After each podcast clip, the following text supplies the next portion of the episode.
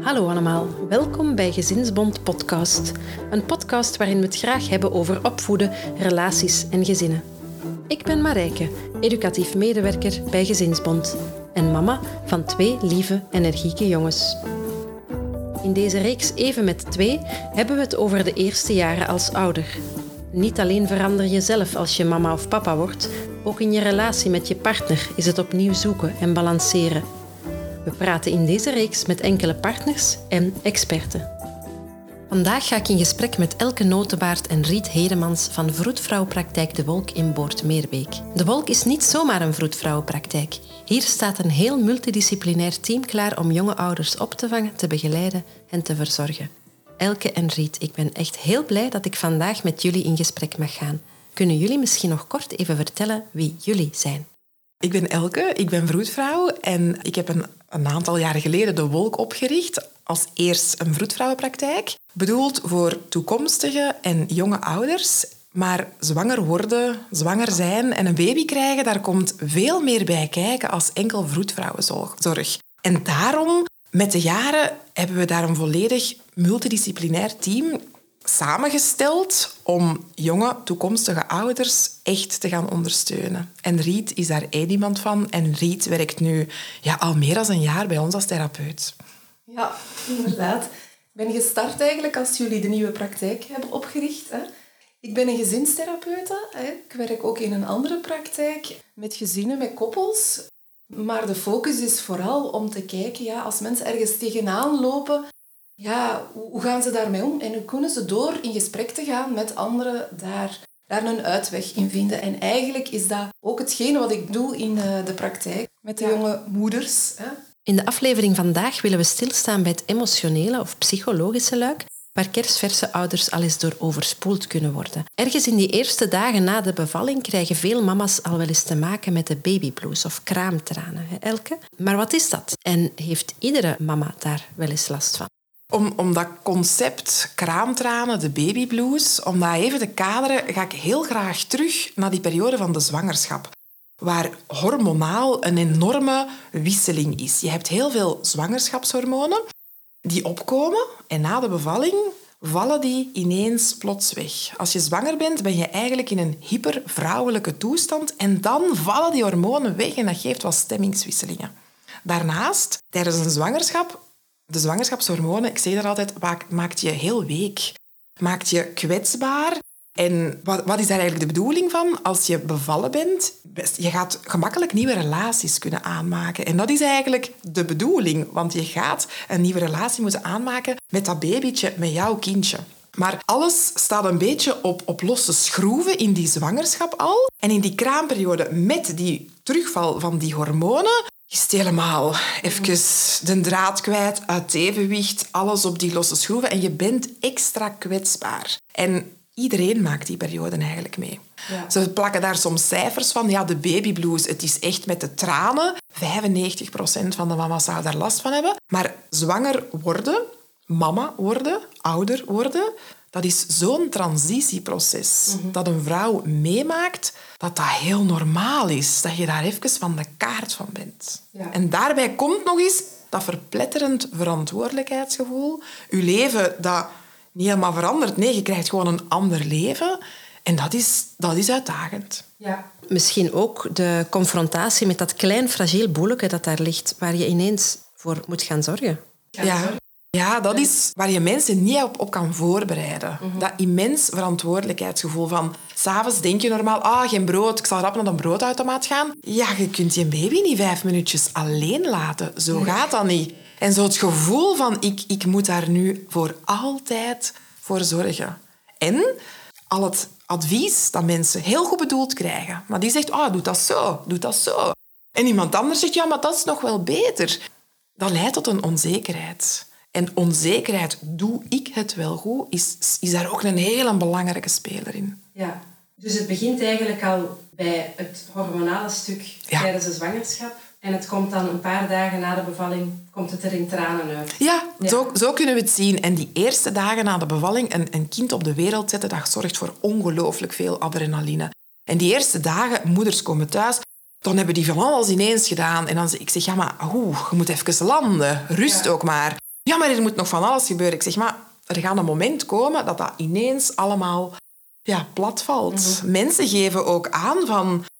Ja, die moederkoek is geboren. Daar is letterlijk een wonde in die baarmoeder. Maar mensen geven dat ook soms aan dat ze in zo'n gat terechtkomen als ze bevallen. Die wisseling van toestand, dat is echt immens. Ja. En uw lichaam daarbij is ook nog gigantisch aan het herstellen.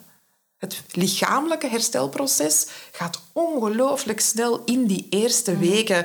Terwijl dat in de zwangerschap negen maanden de tijd heeft gehad. Ze Ja. zeggen altijd ontzwangeren, maar ook als je lichamelijk ontzwanger bent, dat mentale luik, dat heeft veel meer tijd nodig. Ja. En dat is iets wat we misschien soms vergeten in deze tijden. Absoluut. Ja. Hoe ervaren de partners dat? Voor partners is dat, is dat ook geen evidente. Je hebt al negen maanden een ehm, vrouw gehad die anders is als anders. Heel eh, hormonaal, heel gevoelig en vooral ehm, zo het... Ja, hoe, hoe, zal ik het... Hoe hebben we het hier genoemd? Die zo, die is zo fragiel. Die reageert anders op situaties. Dus je hebt je partner misschien al even niet meer zo herkend. En dan is die moeder geworden. Nog eens die hormonen. En partners geven soms zo aan van... Ja, krijg ik mijn vrouw ooit echt nog wel terug? Dus daarom is het zo belangrijk om, om dit luik ook te benoemen. Om dat kenbaar te maken, dat je weet wat je kan verwachten. Ja. Ik weet dat ik zo bij mijn derde kind tegen mijn man zei... Tot binnen een paar maanden. Ja. Want je kruipt zo echt in die moederrol. En dat is ook voor partners zoeken, hè? Voor hun moet er ook een nieuw evenwicht gezocht worden. Want jullie kenden elkaar, een koppel kende elkaar al als man-vrouw, koppel, vrouw-vrouw. Heel verschillend. Maar dan moet je ineens je vrouw ook leren kennen als moeder. En zij u als vader, als meemoeder. En dat is, dat is echt uitdagend en dat hebben we niet ergens geleerd. Ja. Elke, je hebt het over het evenwicht dat een beetje kwijt is. Hè? De, de, de partner die zijn vrouw misschien even niet meer herkent. Het is voor iedereen terug een, een plekje zoeken. Die balans is eigenlijk helemaal zoek. Hè? Dus ja, heb je daar nog, nog iets meer over te vertellen? Of hoe kunnen mensen daarmee omgaan? Ja, het is, je moet het echt zien als opnieuw elkaar leren kennen. Elkaar ook leren kennen als mama en papa. En zoals in elke nieuwe situatie, als in een specifieke situatie, is het terug op zoek gaan naar, naar een balans. En mensen komen dat, denk ik, Riet, wel verschillende keren in hun leven tegen, zo op zoek gaan naar balans. Hè. Ja, ik denk dat we niet mogen vergeten wat voor een intense periode dit is. Hè. Het is een fijne periode. Hè. Vaak kijken mensen daar heel hard naar uit. Maar het is toch ingrijpend. Ehm, en wij gaan daar een stukje aan voorbij, omdat dat de normaalste zaak is van de wereld. Maar dat maakt niet minder intens. Een, een, een heel leuke gebeurtenis, een geboorte of een trouw, kan ook stress met zich meebrengen. En de impact van ja, een kindje erbij, een tweede kindje erbij, ehm, is inderdaad, zoals Elke zegt, zoeken naar... Ja, wat is dat hier? Hè? Een, nieuwe, een, nieuw, een nieuw gezin, een nieuwe, een nieuwe samenstelling. En dat is opnieuw zoeken naar wat is ons evenwicht, hoe gaan we dat hier aanpakken. Eigenlijk kunnen we dat een stukje vergelijken met alle uitdagingen die een, een gezin of een koppel ja, meemaakt in hun, in hun leven. Eh, Denk maar, ik heb het al gezegd, de trouw, dat is iets fijn, maar een verlieservaring of iemand die ziek valt of ja, iets heel ingrijpends, dat is altijd opnieuw zoeken, hoe, hoe pakken we dit aan? En daar zijn een aantal risico's aan verbonden. Ehm, De risico's van elkaar tijdelijk kwijt te spelen, maar ook om elkaar terug te vinden op een Ja. andere manier. En ik denk dat dat eigenlijk de uitdaging is. Elkaar zoeken naar, ja, wie zijn wij in dit, in dit volgende stadium van onze relatie? Ehm, maar dat is, niet, dat is niet evident, dat is niet gemakkelijk. Nee. En je zegt ook van, hè, bij, bij een eerste kindje, bij een tweede kindje ook. Ik heb dat, eh, hè, de koppels waar dat ik eh, al mee gesproken heb voor onze koppelpodcastreeks, hebben, die, hebben dat ook al een aantal keer gezegd. Hè. Dus elke keer opnieuw, als er een kindje bij komt, is dat opnieuw zoeken naar een, een evenwicht voor, voor het hele gezin en voor ieder individueel eigenlijk. Ja, absoluut. Ja. En je zou zeggen, ah, 1, 2, 3, dat maakt niet meer uit. Jawel. En dan ben je niet meer met twee, maar dan ben je met drie. Ja. Die of een vierde gezinslid moeten verwelkomen. Dus het is elke keer opnieuw zoeken. Ja, absoluut. Ja. Oké. Maar het brengt, zoals, ehm, zoals ik al zei, het, het brengt uitdagingen met zich mee. Maar het brengt ook zeker ja, uh, nieuwe dynamiek met zich mee. Hè? Er komt een dynamiek ook tussen de kinderen. En daar is, dat is ook iets waar ouders ja, mee geconfronteerd worden. Mhm. op, op leuk, hè? dat kan heel leuk zijn, uh, maar dat kan ook uitdagend zijn. Dus, ja, ja. absoluut. Ja. Herkenbaar. Ja. Soms is er ook meer aan de hand dan uh, enkel die normale kraamtranen. Hoe, hoe kan je dat herkennen? Daar wil ik ook al eerst over geruststellen dat een, een, we spreken dan over een postnatale depressie in de volksmond, maar dat is niet iets dat ineens daar plots is. Meestal is dat al een, een, een onevenwicht dat je ervaart dat start tijdens de zwangerschap. En ik spreek, en, en Riet kan me daar wel mee aanvullen, denk ik, liever over een perinatale depressie. Een gemoedstoestand die al ja, moeilijker is gedurende de zwangerschap. En daarom is het zo belangrijk dat mensen al vroeg in de zwangerschap contact opnemen met een vroedvrouw. Want een vroedvrouw dat gaat doorheen dat traject een vaste vertrouwenspersoon zijn. Zij gaat daar ook specifiek, wij als vroedvrouwenpraktijk, wij gaan echt daarop counselen, wij gaan daarop screenen door vragen te stellen. Um, en dan hebben wij zo in ons hoofd een beetje een, een aantal vlagjes om te zien van, oh, Mai, je bent net getrouwd, net verhuisd, uh, helaas ook iemand verloren.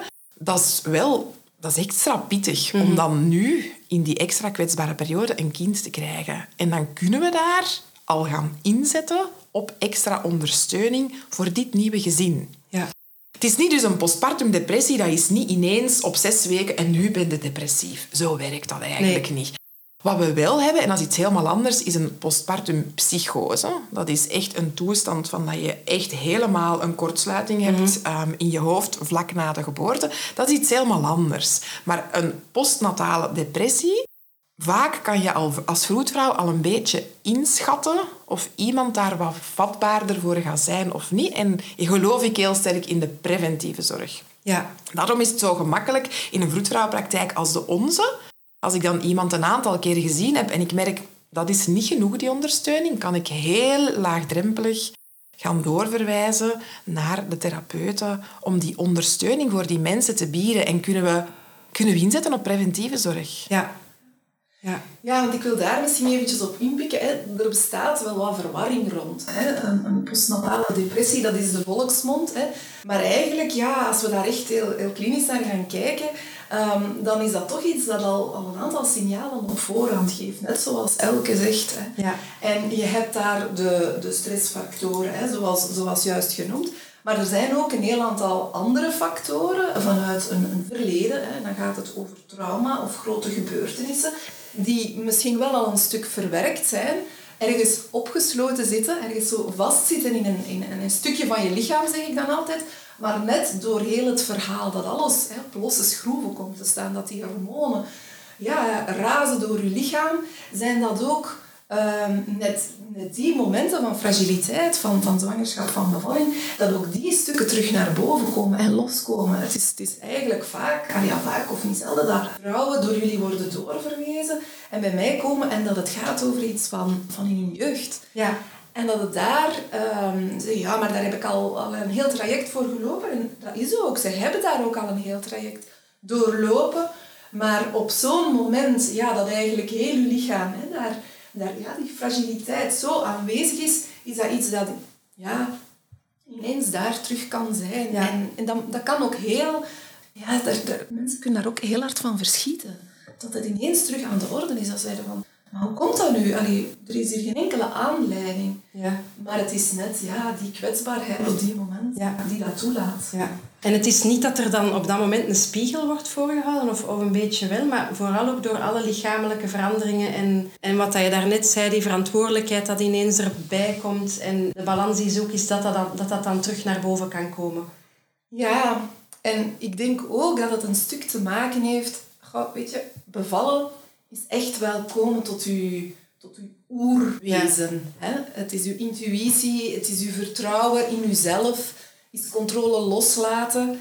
En dat zijn ja, vaak, niet alleen bij, bij moeders, maar bij iedereen, denk ik, wel heel, heel, ehm, ja, heel belangrijke thema's en heel vaak voorkomende thema's. En ja, spiegel, Misschien wel een stukje, omdat natuurlijk je wordt op zo'n moment geconfronteerd met ja, als ik het niet loslaat, ja, dan, dan loopt het misschien wat stroever, die bevallingen. Heb ik daar dan een aandeel in? En, oei. en al die vragen die dan komen. Dus het, het is beide, ja. Ja. Het, is, het, is, het is het hormonale stuk, maar het is ook ja, heel, heel, heel een façade, maar dat is misschien een negatief klinkend woord, maar ja, je kopingsmechanisme, zeg ik daar altijd tegen, je overlevingsmechanisme, ja, is misschien niet meer ja, toereikend, is misschien niet meer voldoende op dat moment. Je, je hebt iets anders nodig als vrouw.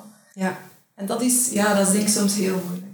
Ja, en daarom is het toch zo belangrijk dat vrouwen al van tijdens de zwangerschap een vaste vertrouwenspersoon hebben. Vroeger belden ze van in het ziekenhuis, oh, ik heb een vroedvrouw nodig, want ik heb last van mijn tepels.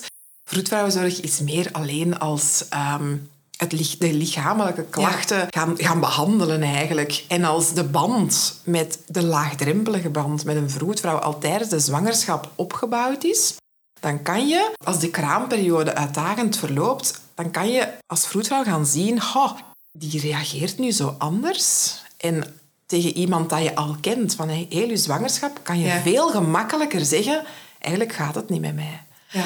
En dat is, ik, ik wacht daar zelfs niet op. Iedereen krijgt van mij de vraag, hoe is het echt met u? Ja. Niet zo van, hoe is het? En dan zo verschieten van het antwoord van, ja, eigenlijk niet goed. En als ze dan beginnen over hun baby en dit en dat, en dan zeg ik, oké, een baby, prima. Maar hoe gaat het nu eigenlijk met u? Ja. Hoe, en, en als ze daar, oh ja, ça va. En dan, dan is mijn volgende vraag, hoe ervaart je dat moederschap? Ja. Is dat wat je ervan verwacht had? Is dat ehm, anders? Had het anders gezien? En dan op verhaal laten komen, doe zoveel. ja. Ik denk dat er hier al veel hebben zitten huilen bij jou, Ja, Elke. dat is waar. dat is waar. ik zeg altijd, ik trek dat precies aan en dan zeggen ze, ja, sorry, maar dan zeg ik, ja, dat zijn die emoties en het is zo belangrijk om die te laten komen, die emoties. Ja. Dat is heel belangrijk. Ja, ja. Ik sprak ook met een, eh, een koppel en die mama van het koppel die gaf aan van voor mij was het echt het moeilijkste bij het eerste kindje. Hè. Toen dat die geboren was, die eerste zeven, acht maanden, was ik echt mezelf niet. Hè. Voelde ik, allee, was ik echt, ja, voelde ik mij compleet... Allee, het ging niet goed met mij, hè, zei ze. Ehm, en het was eigenlijk haar man die op een bepaald moment gezegd heeft van... Ja, het gaat niet meer. We gaan naar de huisarts hè, en we gaan kijken wat, wat dat we kunnen doen om in gesprek te gaan ergens om te helpen. Dus ik vond dat eigenlijk zo mooi dat, dat hij dan eh, aangaf, allee, zag van oké, het gaat eigenlijk niet goed met mijn vrouw. Eh, ondanks dat ze zo blij waren ook met het kindje, hè, want het, het, allee, ze zei van het liep echt wel samen. Ja, ik, ik vond dat wel krachtig. Dat is ook zo. En dat is een koppel dat eigenlijk een hele sterke relatie Ja. heeft. Wij zien het vaak dat de zorg quasi afgesloten is, maar er dan na maanden, of soms na twee jaar, een mailtje komt. Goh, ik ben altijd zo fijn opgevolgd bij jullie, maar het gaat niet meer met mij. Kan ik op een of andere manier nog terecht? Want die kon zo bij jullie terecht. En als wij dan moeten zeggen, ah ja, ga naar daar of ga naar daar, Ja. dat is een drempel. Ja. En als wij dan kunnen zeggen, fijn dat je contact opneemt. Wat is dat moedig? Ja. De eerste stap zetten, dat is de moeilijkste. En er is iemand hier bij de wolk dat u daar ook in kan begeleiden. Ja. En dat is vaak hè, dat we afronden en dat zo pas na acht, negen maanden is. Hè? Absoluut, ja. Ja, die heftigheid is dan soms een klein beetje gaan liggen. De, de overlevingsmodus kan men zo stilletjes aan afzetten en kan men echt tot het gevoel komen en dan, oei, hier, ehm, hier, hier wil ik over in gesprek gaan. En dat is heel fijn dat, dat vrouwen dat ook kunnen en doen. Maar we merken wel ehm, de meerwaarde van het, van het in huis zijn. Ja. Ja. Ja. Bij de vroedvrouwen zelf. En ook daarin in kunnen overleggen. Hè. Ja. Ja, ik denk dat het bij de vroedvrouwen ook wel een stukje een, een, een soort van druk misschien zelfs wegneemt. Ja, omdat absoluut. Je, omdat je mensen wil helpen, maar ja, ook je vroedvrouwenjob nog... hè. ja, vroedvrouwen zijn natuurlijk gevers. En we waren er gisteren nog lachend over bezig dat een vroedvrouw bij ons bij de Wolk precies een beetje van elke discipline is. Een beetje de kinesist, een beetje psycholoog, een beetje ehm, voedingsadvies. Zo'n vroedvrouw is precies zo van een duizendpoot. Maar het is fijn om, om te merken van ja, ik gun het u, dat je daar echt uitgebreid kunt over praten. En we hebben iemand en die zit hier. En ze zitten dan in dezelfde wachtzaal. Dat is heel laagdrempelig, want voor wie komen ze? Dat weet niemand. En ze moeten nergens gaan aanbellen of naar iets nieuws gaan. Ja. En dat maakt zo'n gigantisch verschil. Ja, ja. Dat is mooi dat jullie dat hier eh, aanbieden ook. Hè. Je zei daarnet van, dat koppel waar ik het over had, dat is een, die, die hebben een sterke relatie. Dus die, die gaan samen op zoek naar, naar hulp. Maar dat je heel veel mama's of koppels ziet waar dat de relatie dan misschien toch wat meer onder druk komt te staan. Of, of waar dat het dan toch meer zoeken is, zoals dat, eh, dat jij ook zei, Riet. Dat het toch moeilijker gaat. Is het zo dat er, als er een, een, een postpartum depressie of een postnatale depressie, of hoe dat jullie het ook noemen, gaande is, dat, de- dat die relatie echt nog, nog meer onder druk komt te staan? Goh, ik denk niet meer dan, dan op andere moeilijke momenten. Ja. Ehm, het is een uitdaging. Hè. Ik denk dat we daar niet rond kunnen. Maar ik denk, als ik dan kijk naar de andere begeleidingen die ik doe... Ja, ik denk als je in je gezin geconfronteerd wordt met moeilijkheden...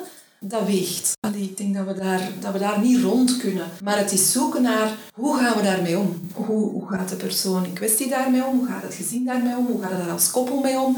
Het is eigenlijk, wanneer je voelt ik zit vast, bespreek het. Leg het op tafel. Zoek hulp. Hè. Vastzitten, zeg ik altijd, is geen reden om het te doen stoppen. Nee. Vastzitten is vastzitten. Ehm, en dan is het zoeken naar hoe ga ik weer uit. Ja. En is dat inderdaad een, een vrouw die perinatale depressie is gerold of die echt helemaal voelt van ik voel het even niet meer, de binding met de realiteit. Oké, dat is dan zo en dan gaan we daarmee aan de slag. En hoe kan dat dan, ja, hoe, wat is hier dan nodig? Dat is dan eigenlijk de vraag. En soms kan dat zijn dat dat voor de partner betekent heel betrokken zijn, dingen overnemen. En soms is dat daar aan de zijlijn staan. Dat is zo individueel. Eh, niet elke vrouw heeft nodig dat haar man heel betrokken is. Andere vrouwen juist wel. Dus het is heel hard zoeken naar wat heb jij nodig om, om terug in beweging te komen, om terug te voelen van Ja. ik raak hieruit. Ja. En dat is, dat is heel hard, allee, dat is wat ik vooral ook doe met de vrouwen eh, die bij mij komen, is, is dat aftoetsen. Wat, wat wil jij? Wat helpt jou? En dat brengt soms heel veel onzekerheden mee, want de man ja, die heeft dan het gevoel, ja, maar ik kan niks doen. En soms is het genoeg om er te zijn. Om er te zijn. Ja. Ja. En misschien dat ook de ene vrouw dan graag al eens een knuffel krijgt en de andere helemaal niet. Ook dat, dat zal een zoektocht zijn, denk ik. Hè? Ja. Ja. Ja. En ik denk, eh, waar, waar wij als vroedvrouw dan al op inzetten in een zwangerschap, is mensen laten oefenen in een duidelijke communicatie. Ja. Want wij als vrouwen denken vaak, dat moeten ze nu toch wel weten. Ja. Maar een vrouwenhoofd en een mannenhoofd of het hoofd van uw partner, dat, dat werkt anders. En ik geef dan vaak het voorbeeld van, je hebt s'avonds een, een drukke dag gehad, je staat aan de afwas en je begint met die borden te kletteren en te doen. en je denkt, hij zal het toch wel horen of ze zal het toch wel horen. Nee, niks. En je maakt je alleen nog maar drukker. En als je dan even wisselt en je begint aan een afwas en je zegt... Hé hey, schat, kom je even afdrogen? Oh ja, dat is goed. Ja. En dat is dezelfde situatie met een communicatieplan.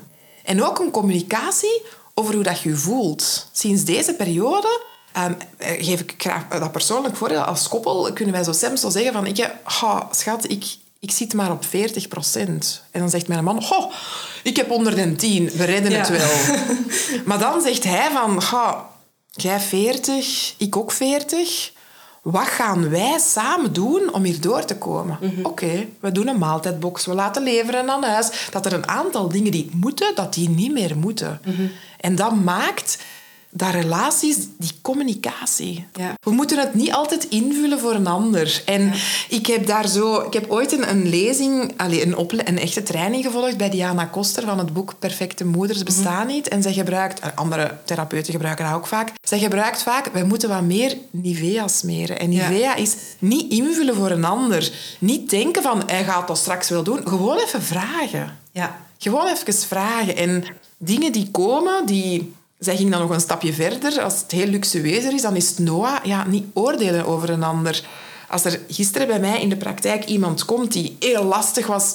Ik weet niet wat hij daarvoor heeft meegemaakt. Ja. En wat meespeelt. En die, die mildheid voor de andere. En zo van, oké, het zal wel spelen. Die heeft ook haar eh, issues wel gehad. Dat kan wel. Ja. Maar communicatie in een relatie, denk ik, dat de sleutel tot succes is om al die uitdagingen waar Riet het ook over had, om die door te komen. Ja, en daar wil ik een stukje op inpikken, want ja, wat is therapie natuurlijk? Dat is bij uitstek hè, communiceren, op welke manier dan ook. Mhm. hè. Eh, we hebben het hier heel veel over taligheid, maar ja, dat kan ook een gebaar zijn, dat kan ook een brief schrijven soms zijn. Maar ik denk wanneer het echt zo indicaties, wanneer je zegt van nu loopt het echt moeilijk, dat is voornamelijk wanneer het op het vlak van communicatie niet goed loopt. En niet zozeer omdat een partner in een zware depressie zit of, of die, het, het gaat erover van hoe doen we dat hier samen? Ja. Hoe, hoe pakken we dat communiceren aan? Ja. En dat is ook niet evident. Hè? En zeker als je onder druk komt te staan als koppel, is communiceren soms heel moeilijk, omdat daar heel veel onderliggende gevoelens bij te pas komen. Hè? Ja, maar ik, ik trek mij wat terug, want mijn vrouw heeft mij niet nodig. En die vrouw gaat nog harder roepen en nog meer appel doen, waardoor dat de andere gaat zeggen, nee, ik trek mij nog meer terug, ik ga nog meer fietsen of ik ga nog meer naar buiten of mijn hobby's doen. En je bent eigenlijk in een dynamiek beland waarbij dat je elkaar alleen maar ja, aan het tegenwerken bent of ja, een stukje aan het, aan het opjagen bent. En het is, het is die patronen ook gaan blootleggen of gaan bespreken met de mensen. Die helpen. Want ik geloof er ook wel heel sterk in dat mensen, vrouwen, mannen, gezinnen, hè, samen heel weerbaar zijn. Ik spreek hier nu heel de tijd over wat moeilijk kan zijn en wat uitdagingen kunnen zijn. En dat zo'n periode hè, van, zwangere, eh, van zwangerschap en van, van bevalling, ehm, dat dat een uitdaging is.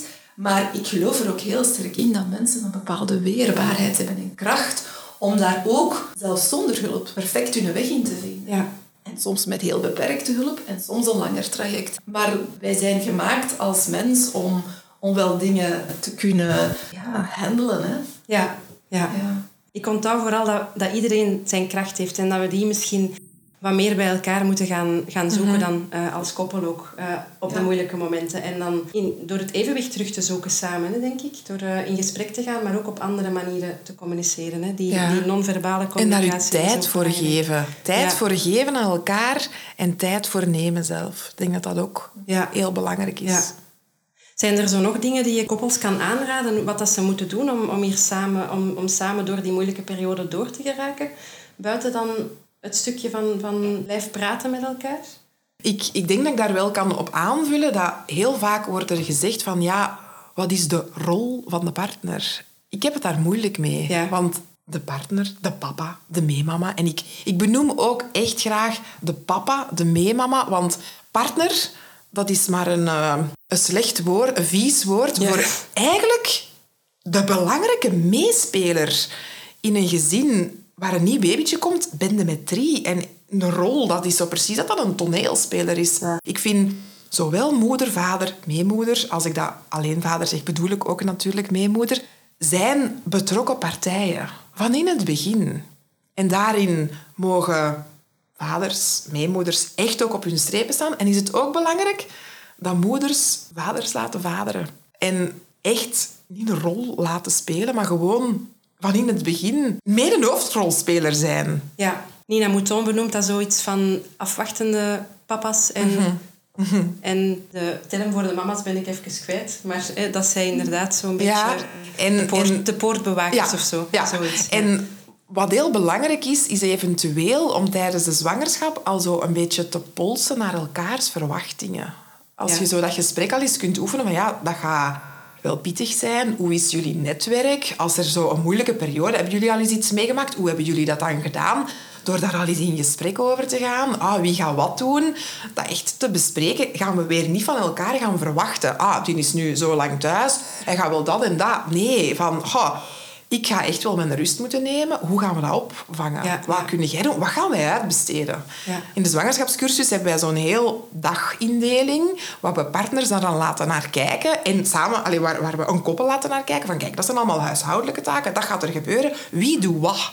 Oei, we hebben uren tekort. Ah ja. En dan, ja, dat ga ik wel doen, zegt die man. Dat ga ik wel doen. Want een man eh, die wil heel goed voor zijn vrouw zorgen. En die weet soms niet in de zwangerschap hoe kan ik nu voor die baby al goed zorgen? Binu Singh die benoemt het. Een zwangere vrouw die draag je op je wimpers. En door goed voor je zwangere vrouw te zorgen, zorgt je ook echt goed voor je baby. Ja. Nee. En zo kunnen ze, als ik ze dat tijdens de zwangerschap vertel, dan, ah, je kunt wel al iets doen. Ja. Dan geeft dat echt die betrokkenheid ook. Ja.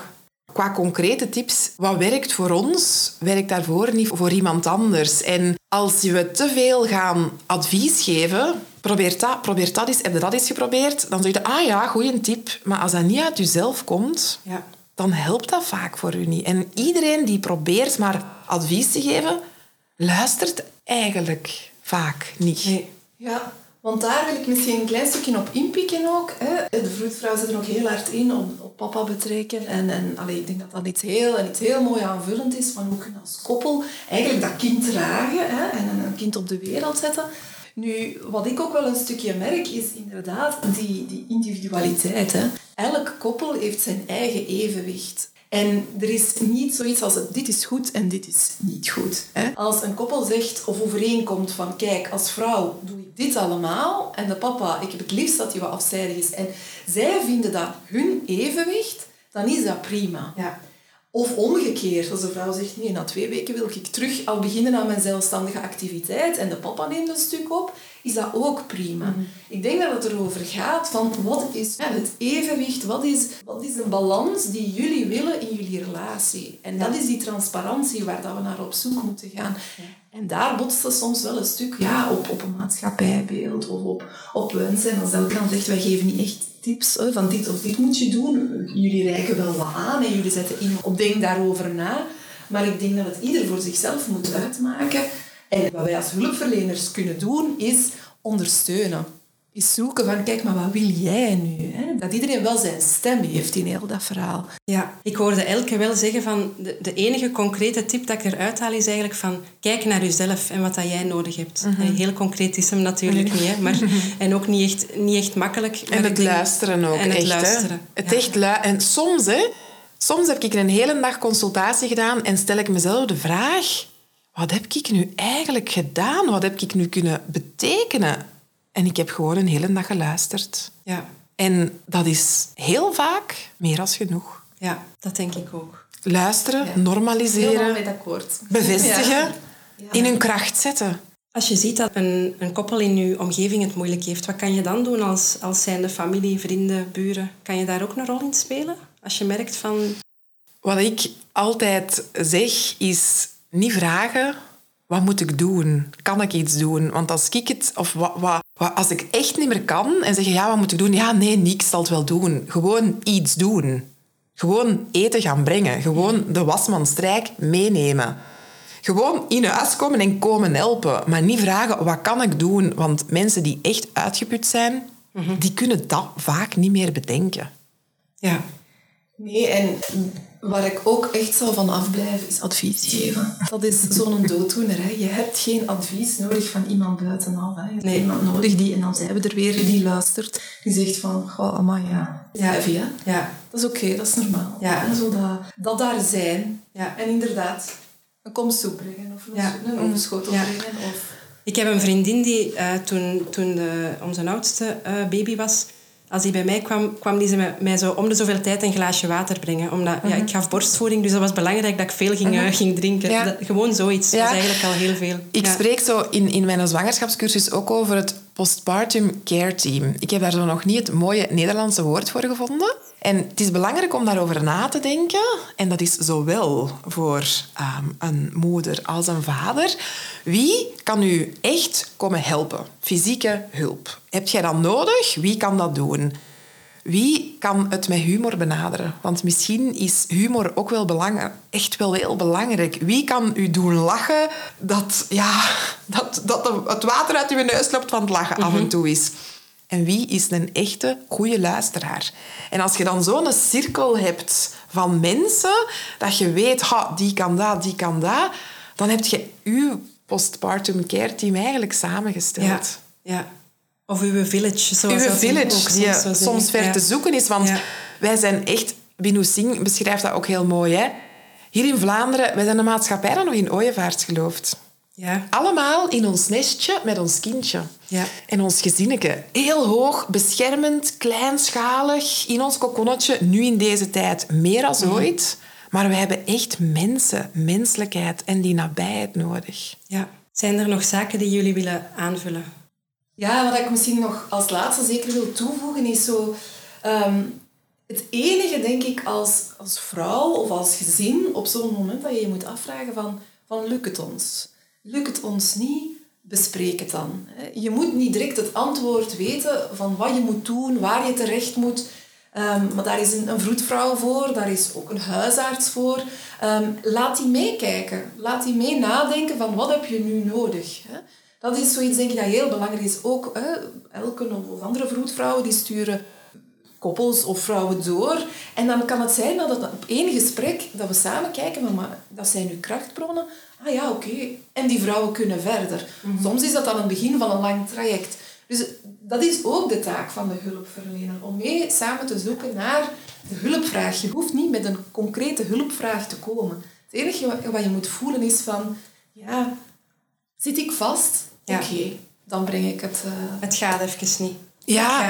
Ik ga, ik, ga, met iemand zoeken wat er niet gaat. Ja. ja. want als je hoofdpijn hebt, blijvende hoofdpijn, dan ga je naar de dokter. Heb je last van je schouder, dan heb je voorschrift voor de kine. En als je vast zit in je hoofd, zie dat als een geschenk dat je dan contact opneemt met een psycholoog of een therapeut. Ja. En misschien wil ik ook nog een stukje benadrukken van...